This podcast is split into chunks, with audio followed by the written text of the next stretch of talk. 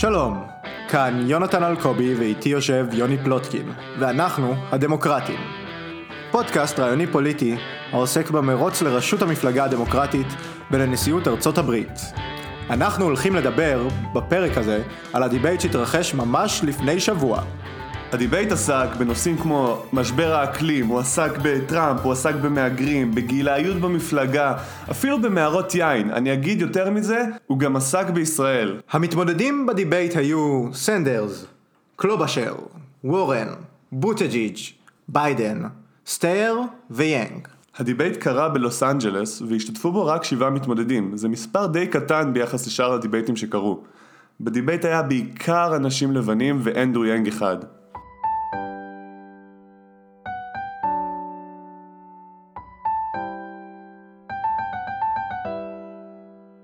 אז הדיבייט התקיים ממש יום אחרי שבית הנבחרים הדיח את טראמפ.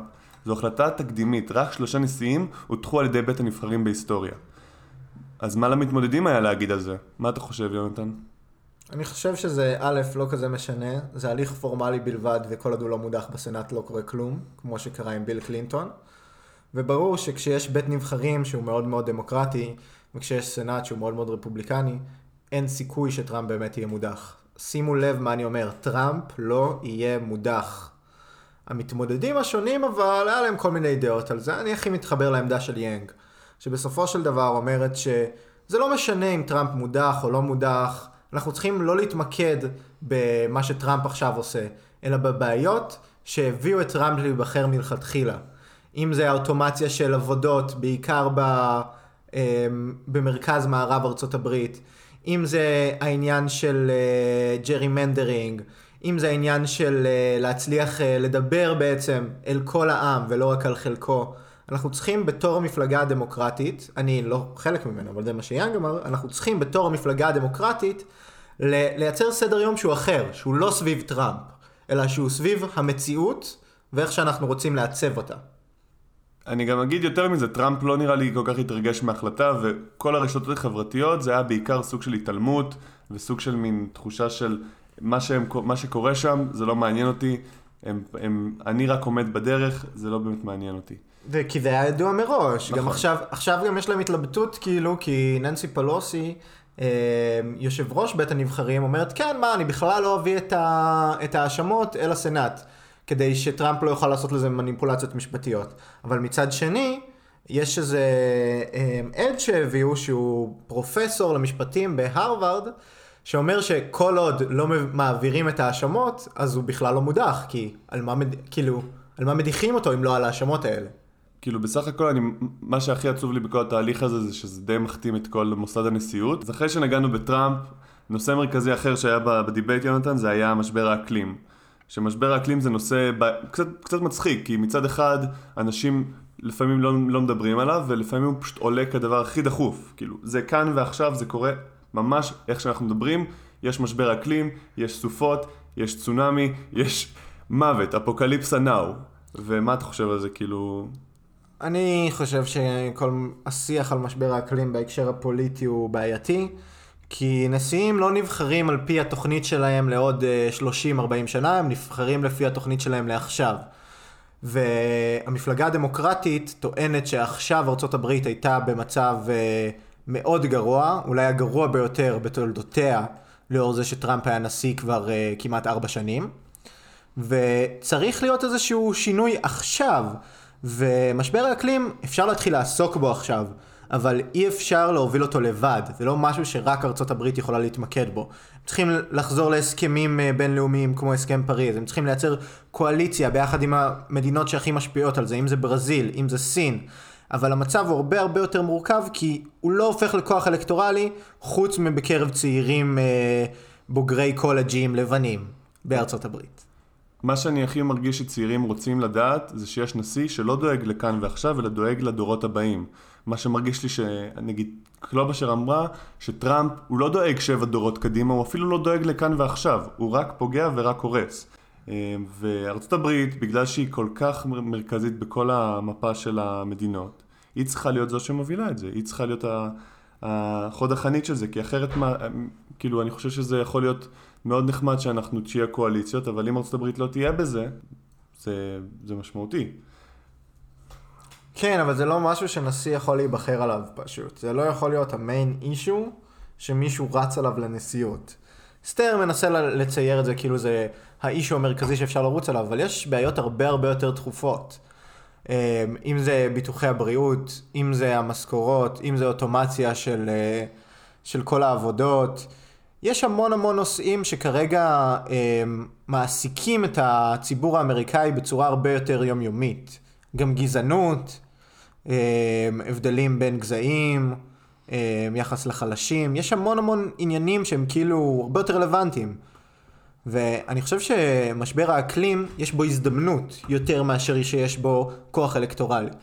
כי אם ארצות הברית עכשיו אה, באה ורוצה להחליף את, ה, את המפלגה המובילה בה, חזרה אל המפלגה הדמוקרטית, זאת ה, בעצם ה, הסוגיה המרכזית שהמפלגה הרפובליקנית לא מדברת עליה. כי אם תשאל רפובליקנים היום, אז הם יגידו לך כן, אה, מאז, אה, מאז שטראמפ עלה, יש רק יותר ויותר עבודות בכל אחד מהמדינות, יש אה, יותר שוויון במדינה, אנשים יותר מרוצים מהכלכלה ומהחוזק שלה, אנחנו בצמיחה הרבה יותר טובה מאשר בתקופת אובמה.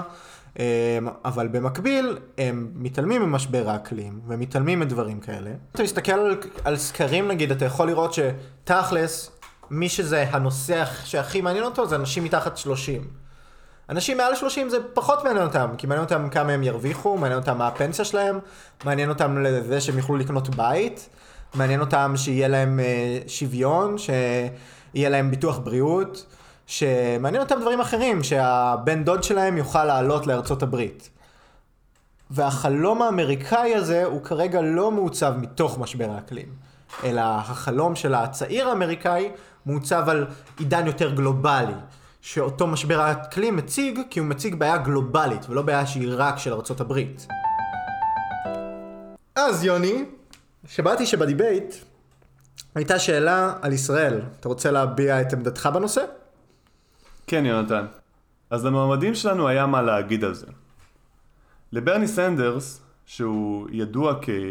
כשהוא יהודי מוצהר, והוא אפילו גר פה בישראל איזו תקופה, אה, הוא אומר, למדינת ישראל יש זכות קיומית. למדינת ישראל יש את הזכות להתקיים, אבל היא חייבת להתקיים לצד מדינה פלסטינית. מה שקורה בעזה ומשבר האבטלה שקורה שם. והוא יותר מזה, הוא גם קרא לביבי גזען. אני לא חושב שזה היה עובר פה. אי אפשר להתעלם מזה שלברני סנדר יש דעות מאוד מוצקות לגבי כל המדיניות של טראמפ ולגבי המדיניות של ביבי. חצי מהפוליטיקאים הישראלים קוראים לביבי גזען והם רצים על זה בבחירות, אז אולי זה גם חכם שברני ירוץ על זה בבחירות, אני לא יודע. בייחוד כשראש הממשלה שלנו מואשם בשלושה תיקים שונים. אבל uh, אני חושב שהסיטואציה היא גם יותר מורכבת, כי עכשיו, כשאנחנו הדמוקרטיה האחרונה במזרח התיכון, לארה"ב יש הרבה יותר אינטרס uh, להגביר דריסת הרגל שלה פה. ואפשר לראות את זה גם בהעברה בשנים האחרונות של השגרירות uh, האמריקאית לירושלים, ובעצם הכרה בירושלים כבירת מדינת ישראל הרשמית. והובלת תהליכים נוספים של שותפות הגולן. בין, uh, כן, רמת הגולן, של שותפות בין ישראל לבין, אה, לבין ארצות הברית. השאלה איך הממשל, אם יהיה ממשל כזה בכלל הדמוקרטי, אה, יקיים את יחסי ישראל לארצות הברית. זאת שאלה באמת אה, לא ברורה, כי הדעות של רוב הדמוקרטים יחסית רדודות במדיניות חוץ, חוץ מבאמת ביידן וסנדרס שמראים קצת יותר בקיאות בנושא. אם תשאל את פיט מה דעתו על ישראל, אני חושב שהוא יגיד משהו מאוד מאוד כללי ומאוד מאוד סתמי, בסופו של דבר. זה כן כל פעם אה, מעלה את השאלה של האם יבוא עכשיו נשיא חדש, האם המדיניות תשתנה באופן רדיקלי, והאם באמת יימצא, אני אגיד, פתרון לכל מה שקורה פה, אם זה הסדר, ואם זה פשוט אה, להישאר ממה שקורה, ו... וכך... אה, אם יימצא הסדר, או שנשאר עם מה שעכשיו מתקיים. ואיך תדע, אולי אה, תוכנית המאה תשנה את הכל בסוף. ועכשיו אחרי גיחה שעשינו פה בארץ הקודש, אנחנו חוזרים לארצות הברית ולנושאים הבוערים בתוכה. אז יונתן, אמ, אני שמעתי שדיברו על מערות יין, זה נכון? היה, מה, מה זה מערות יין בעצם? מערת יין זה מרתף שמגישים בו יין. עכשיו, זה תיאור מאוד מאוד uh, מוגזם של אליזבת וורן כדי לתאר איזה משהו מאוד מאוד בורגני שפיט עשה בכל מיני uh, גיוסי כספים. Uh, אבל בסופו של דבר זה משהו שהוא מאוד מאוד uh, לגיטימי בתוך מסיבות תורמים גדולים בארצות הברית, בייחוד כאלה עם הרבה מאוד כסף. היא ציינה אפילו שבקבוק יין שם עולה 900 דולר. וואו, 900 דולר זה באמת הרבה לבקבוק יין שאני יכול לקנות פה ב-25 שקל. ממש זהב נוזלי.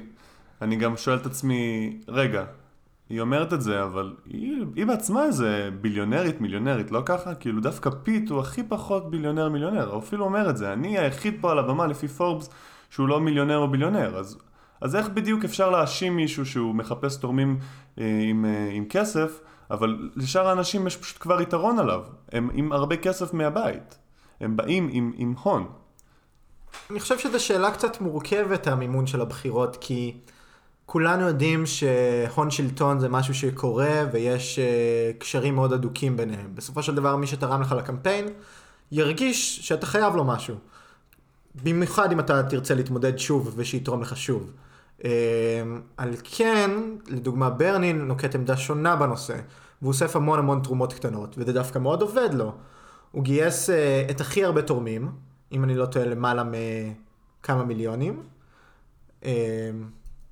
שלוש, ארבע מיליון, משהו כזה. והוא גם מתגאה בזה ו... שאף אחד מהם הוא לא ביליונר, הוא לא, הוא אמר, אני... אף אחד הוא לא מיליארדר. ומעבר לזה, הממוצע של תרומות לתורם יחידני הוא 18 דולר, נכון, שזה 18 סכום דולר. מאוד מאוד נמוך, ביחס לזה שאתה פשוט יכול ללכת לאיזה מיליונר אחד, שייתן לך כמה עשרות אלפי או מאות אלפי דולרים. לקמפיין. כנראה אוהבים אותו, פשוט הוא עושה משהו שמדבר אל האנשים. כן, גם, ונכון, הוא גם עושה משהו שמדבר על אנשים, וגם הוא מדבר בסך הכל אל האנשים הפשוטים, להרבה חבר'ה שצעירים, שאין להם הרבה כסף, שהם כן מאוד רוצים לעזור לו, וגם יאנג ככה. גם יאנג, הוא נראה לי מקום שני בכמות התורמים הייחודיים שהוא אסף, אה, ומקום אה, די גבוה אפילו בכמות התרומות שהוא אסף. אה, וזה משהו שבאמת באמת מפתיע, כי בסופו של דבר לביידן אז יש 43 מיליונרים, מיליארדרים שתרמו לו, ולפיט יש כמה, יוני? לפיט יש 38 מיליארדרים שתרמו לקמפיין שלו. אולי גם אין בזה שום דבר רע, כי בסך הכל זה כללי המשחק. הוא צריך למצוא תורמים והוא מחפש אנשים שייתנו לו כסף. זה גם מה שהוא אמר. אני לא חושב שזה פסול שהוא יחפש תורמים. במיוחד בסדר גודל שיכולים באמת לתת לו את המימון הזה, כי הם לא תורמים לו את המיליונים, הם תורמים לכל אחד, יש, יש מכסה של תרומה שאתה יכול לה, לה, להציע. אה, וזה על פי חוק, וזה כל פעם שמדברים על זה שמועמד לוקח כסף ממיליארדרים, אז הוא אומר, אני לא לוקח מהם, זה, בסוף המימון הוא, יש, יש, יש, יש לו תקרה. כן, אבל אני עדיין חושב שזה משפיע. בסופו של דבר, אם אתה יודע ש-X מיליארדרים תרמו לך, שיש להם X אינטרסים מסוימים, אז נכון. אתה תרצה לעמוד באינטרסים שלהם באיזושהי מידה, או הם תורמים לך כי הם מאמינים שיש לכם אינטרסים משותפים. ואז עולה השאלה גם, האם דברים שאתה תקדם אה, בתור הנשיא, אז הם יתרמו לאינטרסים שלך, שהם במקרה תואמים את האינטרסים של המיליארדרים, או שאתה מקדם את האינטרסים של המיליארדרים, שבמקרה תואמים את האינטרסים שלך. שכשההון מתערבב בתוך השלטון, ברור שיש פה איזה משהו שהוא לא כל כך אה, ברור ולא כל כך מוגדר. אמ, ואני חושב שצריך להיות איזושהי הפרדה יותר ברורה, והמגבלה צריכה להיות הרבה הרבה הרבה יותר אה, נמוכה בעיניי. אה, בגלל זה גם, בשביל להתקיים בדיבייט, להגיע לדיבייט מסוים, יש כמות מסוימת של תורמים ייחודיים שיתרמו לך. נגיד בלומברג, עכשיו מקבל איזה 5-6% ברוב הסקרים, ואף אחד לא תורם לו, כי הוא מיליארדר, מספר 10 בכמות ההון שיש לו בארצות הברית. והוא פשוט שופך המון המון כסף על הקמפיין שלו, ובזכות זה הוא יכול לקבל מוכרות ציבורית, בזכות המוכרות הציבורית והאהדה הציבורית הוא יכול לקבל טוב בסקרים. אז, אבל במקביל אין שום סיבה שהוא יהיה מועמד ריאלי, כי הציבור בסופו של דבר לא מוכן לשים את הכסף שלו, את חייו, את עמל כפיו, בידיו של בלומברג. אני גם חושב שמי שלא, בעיניי מי שלא משחק בכללים של ה... אה, של הדיבייטים ובזה, אני חושב שהוא מגיע מנקודת אה, מוצא הרבה יותר אה, נמוכה. למה? כי אני חושב ש, שיש לה, לבמה הזאת הרבה מה להגיד וגם האופן שבו אנשים בוחרים את האסטרטגיה שלהם, אז אני חושב שהאסטרטגיה של מודעות ושל כסף שאני שופך מההון האישי שלי, זה, זה, זה צובע את כל הקמפיין שלי בצורה קצת אה, בעיניי, בגוון בעייתי מעט. אה, בלומברג אה, עד כה הוא באמת מועמד ראוי, נשיא, הוא היה ראש עיריית ניו יורק בעבר, אני, השם הזה הוא שם מוכר לכל אזרח אמריקאי, אבל השאלה אם יש לו את הסיכוי באמת להיות נשיא. ולדעתי, כשאני מסתכל על, הבמ, על, ה, על המפה הקיימת ועל המועמדים, אז, ב, אז הוא, העמדה שלו בעייתית, במיוחד עם זה שהוא בוחר פשוט לתת לעצמו לממן את כל הקמפיין שלו. אבל אני חושב שגם זה שהצטמצמנו, לא אומר שהצטמצמנו מספיק. עדיין יש גם את סטייר וגם את קלובשר, שבעיניי הגיעו לדיבייט למרות שאין להם שום סיכוי להיות נשיאים. על יאנג אני, אתה יודע, הוא חביב עליי, אבל גם לא בתכלס אין סיכוי גדול להיות נשיא. ואני מחכה כבר שיהיה איזשהו דיבייט שיהיה הרבה יותר מצומצם, שיהיה בו שאלות יותר מהותיות, שיהיה בו דיונים יותר סוערים, שנצליח באמת לגעת בליבה של הדברים, או כמו שאימי קלובשר אמרה, אני לא באתי לשמוע אתכם מתווכחים על אה, מערות יין, אני בחיים שלי לא הייתי במערת יין, הייתי פעם אחת במערת רוח, זה הכל. נכון. אני גם חושב שבכללי משהו באופי הדמוקרטי הם... לוורן היה חשוב להגיד שהיא לא רוצה שכסף יחזור להיות הגורם המרכזי לקנות את הכוח. אנחנו לא צריכים ליפול, אנחנו לא צריכים לדרדר למקום ההוא שהכסף הוא זה שמביא לנו את הכוח. אני חושב שטראמפ הוא דוגמה יוצאת מן הכלל לכמה כסף הוא, לכמה, לאיזה הון מטורף הוא הגיע ולאיזה כוח הוא השיג. אה, מערות יין הם אולי אה, סימפטומים של השירים שנפגשים במקומות שבהם העיתונאות לא יכולה להגיע ואז אחר כך מחלקים הבטחות אה, למועמדים שיכולים לשלוט בהם, שאנשים עשירים יכולים לשלוט בהם, אבל אה, זה בסך הכל, אה, וזו הייתה אולי דרך להשתלח בפיט שהוא נחשב מועמד מוביל, לפחות בחלק מהסקרים. אני חושב שפיט, אה, זה היה המועמד הכי נתקף בדיבייט האחרון. זה בא לידי ביטוי גם במה שדיברנו עכשיו, גם בזה שאימי יצא עליו על זה ש... הוא לא כל כך אה, העריך את הניסיון של מאה שנות העבודה הפוליטית של החברים על הבמה לידו עשו, אה, על זה שהוא צעיר, היה המון המון השתלחויות שונות כלפיו, ואני חושב שזה בגלל שבתקופה האחרונה הוא באמת אה, חווה עלייה בסקרים, בייחוד במדינות הראשונות, באיווה, בניו המפשיר, שבאיווה אפילו בסקרים רבים הוא מוביל ומנצח מקום ראשון, למרות היותו מקום רביעי בסקרים הארציים. ואני חושב שזה גם מראה על אה, אסטרטגיה מאוד מוצלחת מצידו, של להצליח לייצר את עצמו כמועמד אה, מוביל ומועמד שיש לו סיכוי ריאלי לזכות, למרות שהוא בסך הכל, אם הוא יזכה, הוא יהיה המועמד הכי צעיר, או לא המועמד, הוא היה הנשיא הכי צעיר. כן, הנשיא הכי צעיר. אה, אי פעם, בהרבה, ובעצם בארצות הברית, אני לא יודע אם אתה יודע את זה, אבל הגיל שממנו אפשר להיבחר לנשיאות זה 35, למרות שאתה יכול להצביע מגיל הרבה יותר מוקדם. אמ, ובעצם הוא בתור בן 36 יהיה ממש קרוב כאילו לגיל 35, זה קצת כמו אה, שטולסי הייתה אה, חברת אה, בית הנבחרים של הוואי בגיל 21, בגיל שאפשר להיבחר בו, זה מדהים בעיניי. בטח הוא ממש ביום הולדת שלו, ביום הולדת שלו בגיל 35 הוא עשה מסיבה מטורפת. אם, אם היו לו שאיפות כבר לפני, לפני השנה הזאת להיות נשיא, אז אני בטוח שהוא חיכה עם הסטופר. אז רגע, כאילו אנחנו מדברים פה על זה שפיט הוא בן 36 וזה נכון, אבל שאר המועמדים הם באופן, חר... באופן ניכר אה, גדולים ממנו, כאילו ברני סנדרס בן 78, נכון? כן, ביידן בן 77 ואליזבת בת 70? 71 אז... אולי כבר? אז קודם כל, אה, אני חייב להגיד שלוורן היה מה להגיד בנושא. כשפנו אליה ואמרו לה, אם את תיבחרי, תהיה, תהיה הנשיא הכי מבוגר, ואז היא אמרה, אבל רגע, אני הנשיאה הכי צעירה. אז בוא נגיד שזה הכל עניין של פרספקטיבה. בסוף אף פעם לא היה לנו נשיאה אישה, אז גם אם היא תהיה בת 80 או בת 90, היא עדיין תהיה הנשיאה הכי צעירה. שזה אני חייב להגיד אה, אה, אולי מצחיק, אבל גם קצת עצוב. אה, ואני גם אשאל את עצמי את השאלה הבאה, מה, מה יהיה בקדנציה השנייה? אני רוצה שמועמד דמוקרטי ייבחר לדוגמה, אבל אני גם רוצה להאמין שהמועמד שאני אבחר אז הוא לא יהיה רק לארבע שנים וילך, כי הוא באמת מבוגר מדי. ואז כששאלו את השאלה הזאת לביידן, הוא אמר, קודם כל אני לא נשיא, אז אני לא יודע מה לענות לך. אבל זו מחשבה נחמדה. אז בוא נגיד שגיל זה פקטור, וכשאנחנו מסתכלים על המפלגה הדמוקרטית, המועמד שסביר להניח יהיה מועמד לנשיאות, הוא יהיה אחרי גיל 70. אם דיברנו קודם שהמועמדים הם מגוונים מהמוצא האתני שלהם, הם גם לכאורה היו מגוונים בגילה, בגילאים שלהם.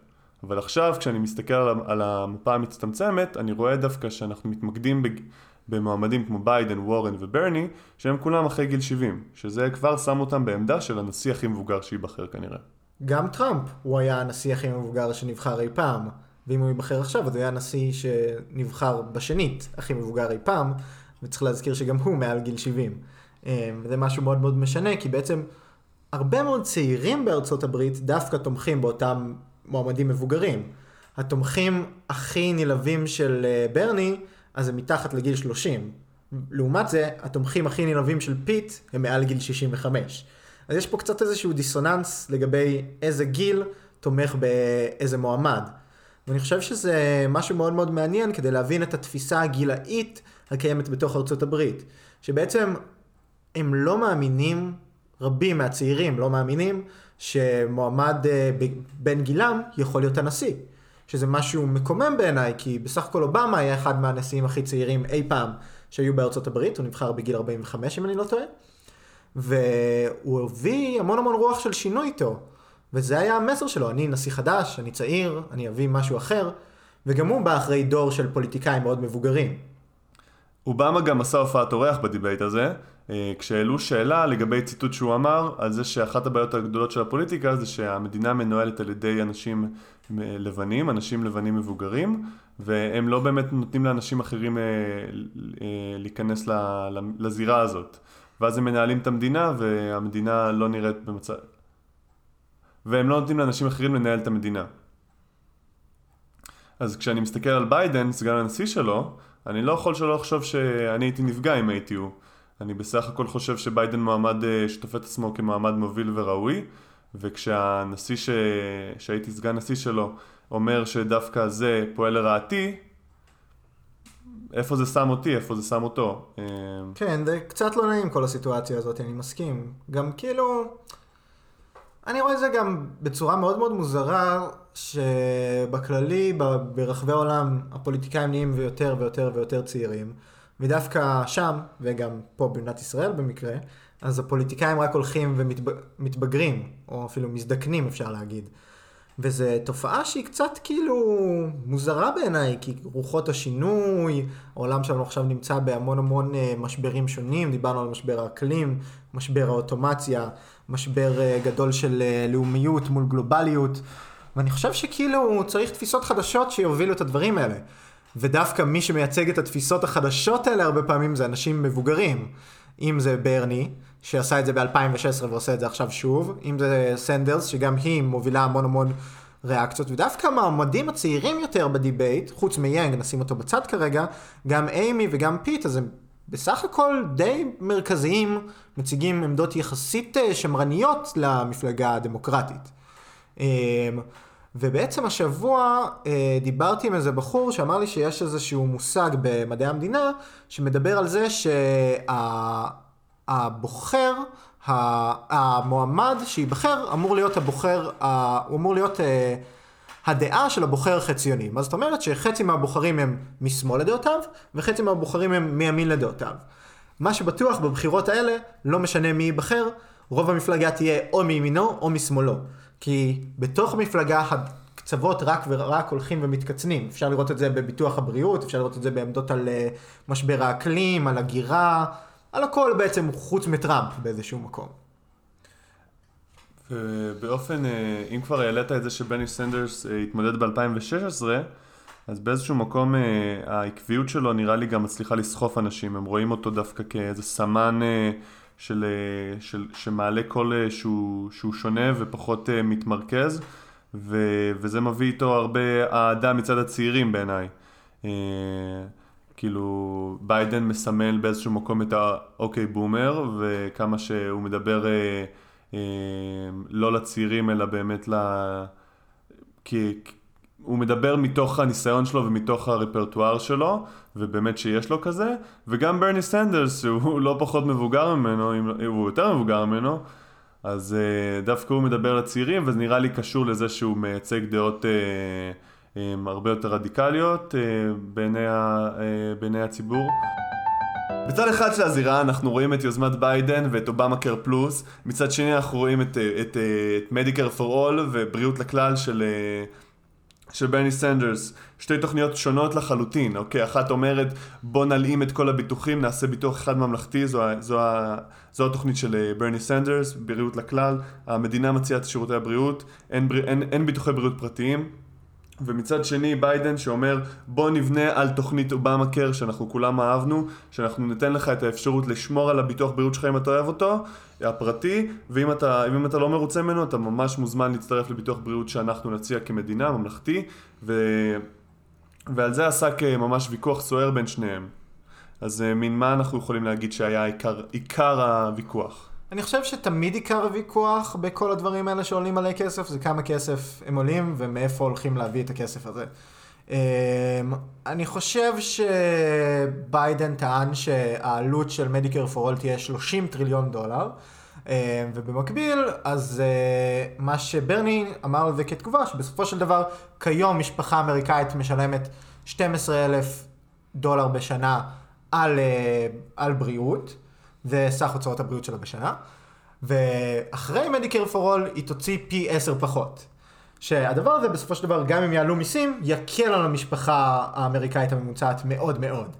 אמ, אבל מה שאני חושב שגם הוא ערך מאוד מאוד אמריקאי זה החופש. זה בעצם מה שביידן אומר, אני לא רוצה לקחת מכל האנשים האלה את החופש שלהם, שלהם איזה ביטוח שהם רוצים. אני רוצה לתת להם אופציות, להעניק להם מגוון. כי הרי מה זה חופש בעצם? חופש זה האפשרות שלך לבחור מתוך הרבה מאוד אופציות ולוותר על כולן חוץ מאחת. זה החופש שלך. וברגע שיש לך רק אופציה אחת, אז אין לך חופש. אין לך חופש. וזה קצת האתוס האמריקאי הזה, שאתה יכול לבחור, ואתה יכול להשקיע בעצמך, או להשקיע בביטוח הבריאות שלך כמה שאתה רוצה. חופש זה נחמד והכל, אבל בסוף יש פה גם עניין כלכלי. תחשוב כמה כסף זה לוקח לאנשים, אה, לפי ברני סנדרס, לאנשים זה לוקח 20 אלף אה, דולר בשנה. הוא אומר, אני יכול לצמצם את זה ל-1200 דולר, וזה משמעותית. אם זה קודם 20% מההכנסה השנתית, אז עכשיו זה מצטמצם להרבה פחות כסף, וזה באמת אה, אולי, אולי בעיניי עולה אה, או מערער את, את, את עקרון החופש. כאילו נכון, חופש זה, זה ממש ערך מרכזי ב, אה, לפי החוקה האמריקאית, אבל מצד שני, אתה יודע, הכסף, יש פה... אני חושב אבל שזה גם משהו שהוא כאילו, מורכב, כי באיזשהו מקום לעשות תהליך של טרנזקציה גם, של כל כך הרבה אנשים, על ביטוח, כאילו לבטל את כל הביטוחי בריאות הפרטיים. ליישר את כל חברות התרופות ולהעניק לכל אזרח אמריקאי ביטוחים אה, אה, ממשלתיים, זה תהליך שהוא כאילו מורכב גם לעשות מבחינה בירוקרטית. זה אחת הטענות נגדו, אבל כאילו אני חושב שגם היתרון הגדול של אה, אה, התוכנית של ברני, שמה שהוא בעצם בונה, הוא בונה על זה שלא יהיה כרסום של, של הביטוח בריאות הממלכתי. מה זאת אומרת? ברגע שיש גם ביטוח בריאות ממלכתי וגם ביטוח פרטי, אז הביטוח פרטי יכול לכסות יותר דברים מאשר הביטוח הממלכתי, ככה שעם הזמן הביטוח הממלכתי ירד וירד כמה שהוא מבטח, עד שהוא כמעט לא יבטח כלום, וכולם יצטרכו לעשות ביטוחים משלימים או ביטוחים uh, פרטיים, כדי להצליח להיות מבוטחים באמת. על הספקטרום של שתי תוכניות הבריאות האלה, המועמדים בסך הכל, אה, כל אחד מהם תופס עמדה מסוימת. יש לנו את פיט ואת אימי שמחזקים את העמדה של, אה, של ביידן.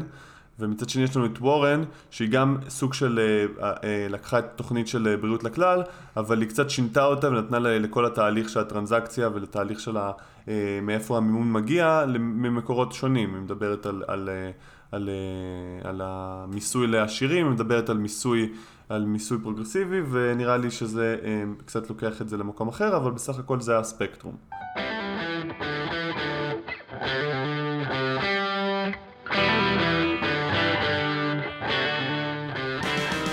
מה אתם חשבתם על הדיבייט שהיה? מה דעתכם על המרוץ הדמוקרטי? בינתיים, אתם רוצים לעקוב, לשתף ולהפיץ את הפודקאסט לחברים שלכם. אנחנו היינו הדמוקרטים. בינתיים, חג שמח, שנה טובה והרבה בריאות. לכלל.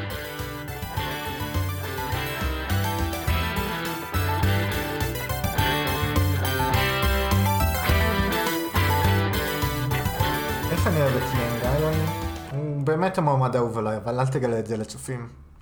אז אני לא אגלה את זה לצופים, אה, ואני אומר שגם אני מאוד אוהב את יאנג. אה, יש בו את הקסם הזה, אי אפשר, לה... אי אפשר להתעלם ממנו. הוא גם היה כזה בולט. מה זה כזה בולט? הוא דיבר הכי מעט, הוא דיבר פחות, פחות מחצי מהזמן של סנדרס, אבל uh, אני חושב שפשוט יש לו איזושהי חינניות ואיזשהו um, סחבקיות כזאת, שהוא תמיד חיובי, הוא תמיד uh, רוצה לפעול למען כולם, הוא בא לעמדה של להיות נשיא לא כי הוא רוצה, אלא כי הוא מבין שהוא צריך. שמישהו צריך להביא את הקול הרדיקלי, השונה, המשמעותי הזה, שמביא רעיונות חדשניים, ו...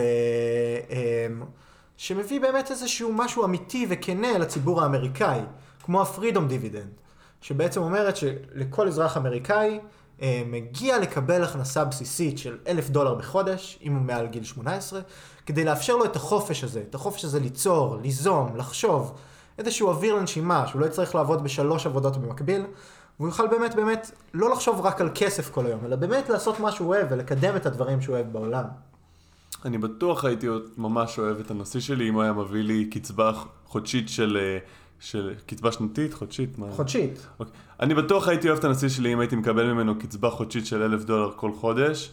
זה היה מקל עליי מאוד, אה, וככה הוא גם מסתכל על זה, הוא אומר, זה היה מקל על כל אזרח, זה היה מקל על, על, על ההלוואות הסטודנטים, זה היה מקל על, על התרומות לקמפיינים הפוליטיים, וזה היה פשוט משפר את הכלכלה של, של ארצות הברית. אה, כשאנחנו מסתכלים על, על, על יאנג, אז הוא גם הכי מדבר לצעירים, אני לא יודע אם שמעת, אבל דונלד גלובר הולך, הולך לעזור לו בקמפיין. אני לא יודע מה איתך, אני מת על דונלד גלובר, צ'יילדיש גמבינו בשמו השני. אה, נראה לי זה כבר עושה טוב, אה, גם הסיכת math, math, כאילו מתמטיקה שלו, היא בכלל אה, יציאה של, יציאה ממש חזקה שלו. הוא, הוא באמת בן של מהגרים, וזה שם אותו בעמדה שלפעמים תוהה לעצמי, כאילו אתה יכול לתהות האם הוא זה שיהיה הנשיא כש, כשאנחנו רגילים לנשיאים אה, לבנים אה, מאוד. אז אה, כשיאנג מופיע ומדבר על הנשיאות שלו, אז עולה, עולה השאלה וגם מה, האם יש לו באמת סיכוי, כאילו. אני אגיד לך מה, אני חושב שהוא המעמד היחיד... אני אגיד לך מה, אני חושב שהוא המועמד היחיד שעלה באופן מתמיד בסקרים. הוא עכשיו מתייצב על סביבות 5% כמועמד החמישי, ביחד עם בלומברג, פחות או יותר, חמישי-שישי כזה. אה, והוא ממשיך לעלות ולעלות בסקרים, וכמו שהוא אמר, הוא late bloomer, מה שנקרא. אה, וגם, מה שחשוב לראות בעיניי בקמפיין שלו, זה זה שהוא יצר תנועת שטח מדהימה. יש לו מאות אלפי פעילים, הוא השיג כמות משוגעת של תרומות, לדעתי למעלה ממיליון אה, תורמים אה, ייחודיים, והוא באמת באמת דמות מאוד מאוד ייחודית בצד הזה, הוא... התקשורת מאוד אוהבת אותו, הרבה מאוד uh, צעירים, הרבה מאוד בני מיעוטים אוהבים אותו, זה משהו שלא היה פה הרבה מאוד זמן, דמות כזאת ייחודית.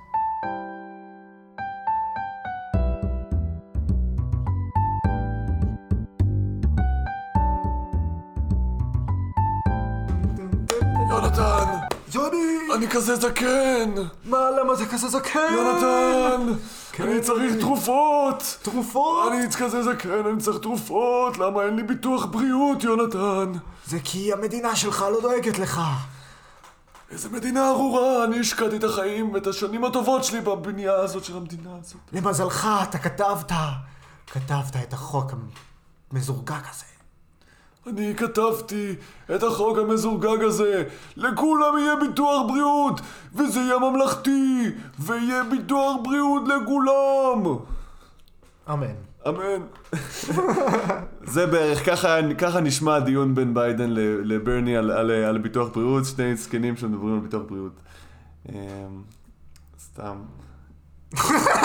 זה לא יפה, לא, לא, זה לא יעלה, זה לא יפה, זה לא יעלה, זה בטוח יעלה, בטוח זה ייכנס בעריכה. אוקיי, אז אנחנו, אז בצד אחד של הזירה... אני עורך גם, אתה לא תוכל להוריד את זה מהעריכה. אני לא מתכוון. בצד אחד של הזירה אנחנו רואים את יוזמת ביידן, את אובמה קר וככה, דברים מוכרים, דברים שאנחנו אוהבים. אנחנו אוהבים את כל המשחקים האלה, אתה יודע, אובמה, נשיא אהוב, תוכניות מגניבות, מגניב, ואז פתאום אנחנו לוקחים את זה לצד, לפינה, בפינה השנייה יש לנו את ברני סנדרס עם התוכנית Medicare for All, בריאות לכלל. בוא נגיד שככה כשאנחנו משלבים דברים, אז זה טום, טום, טום, מתלקח. אוקיי, בוא נעשה את זה, רוצה לעשות את זה שוב פעם? לא, לא, לא. אני רוצה שתחזור לדבר מההתחלה אחרי. אוקיי, זה טוב. אוקיי, אז בוא נעשה את זה שוב פעם, אני אעשה את זה שוב פעם. אז בזירה אחת של ה... אוקיי, איך קוראים לזה? אז בצד אחד של הזירה, בצד- אוקיי, יופי, תודה רבה.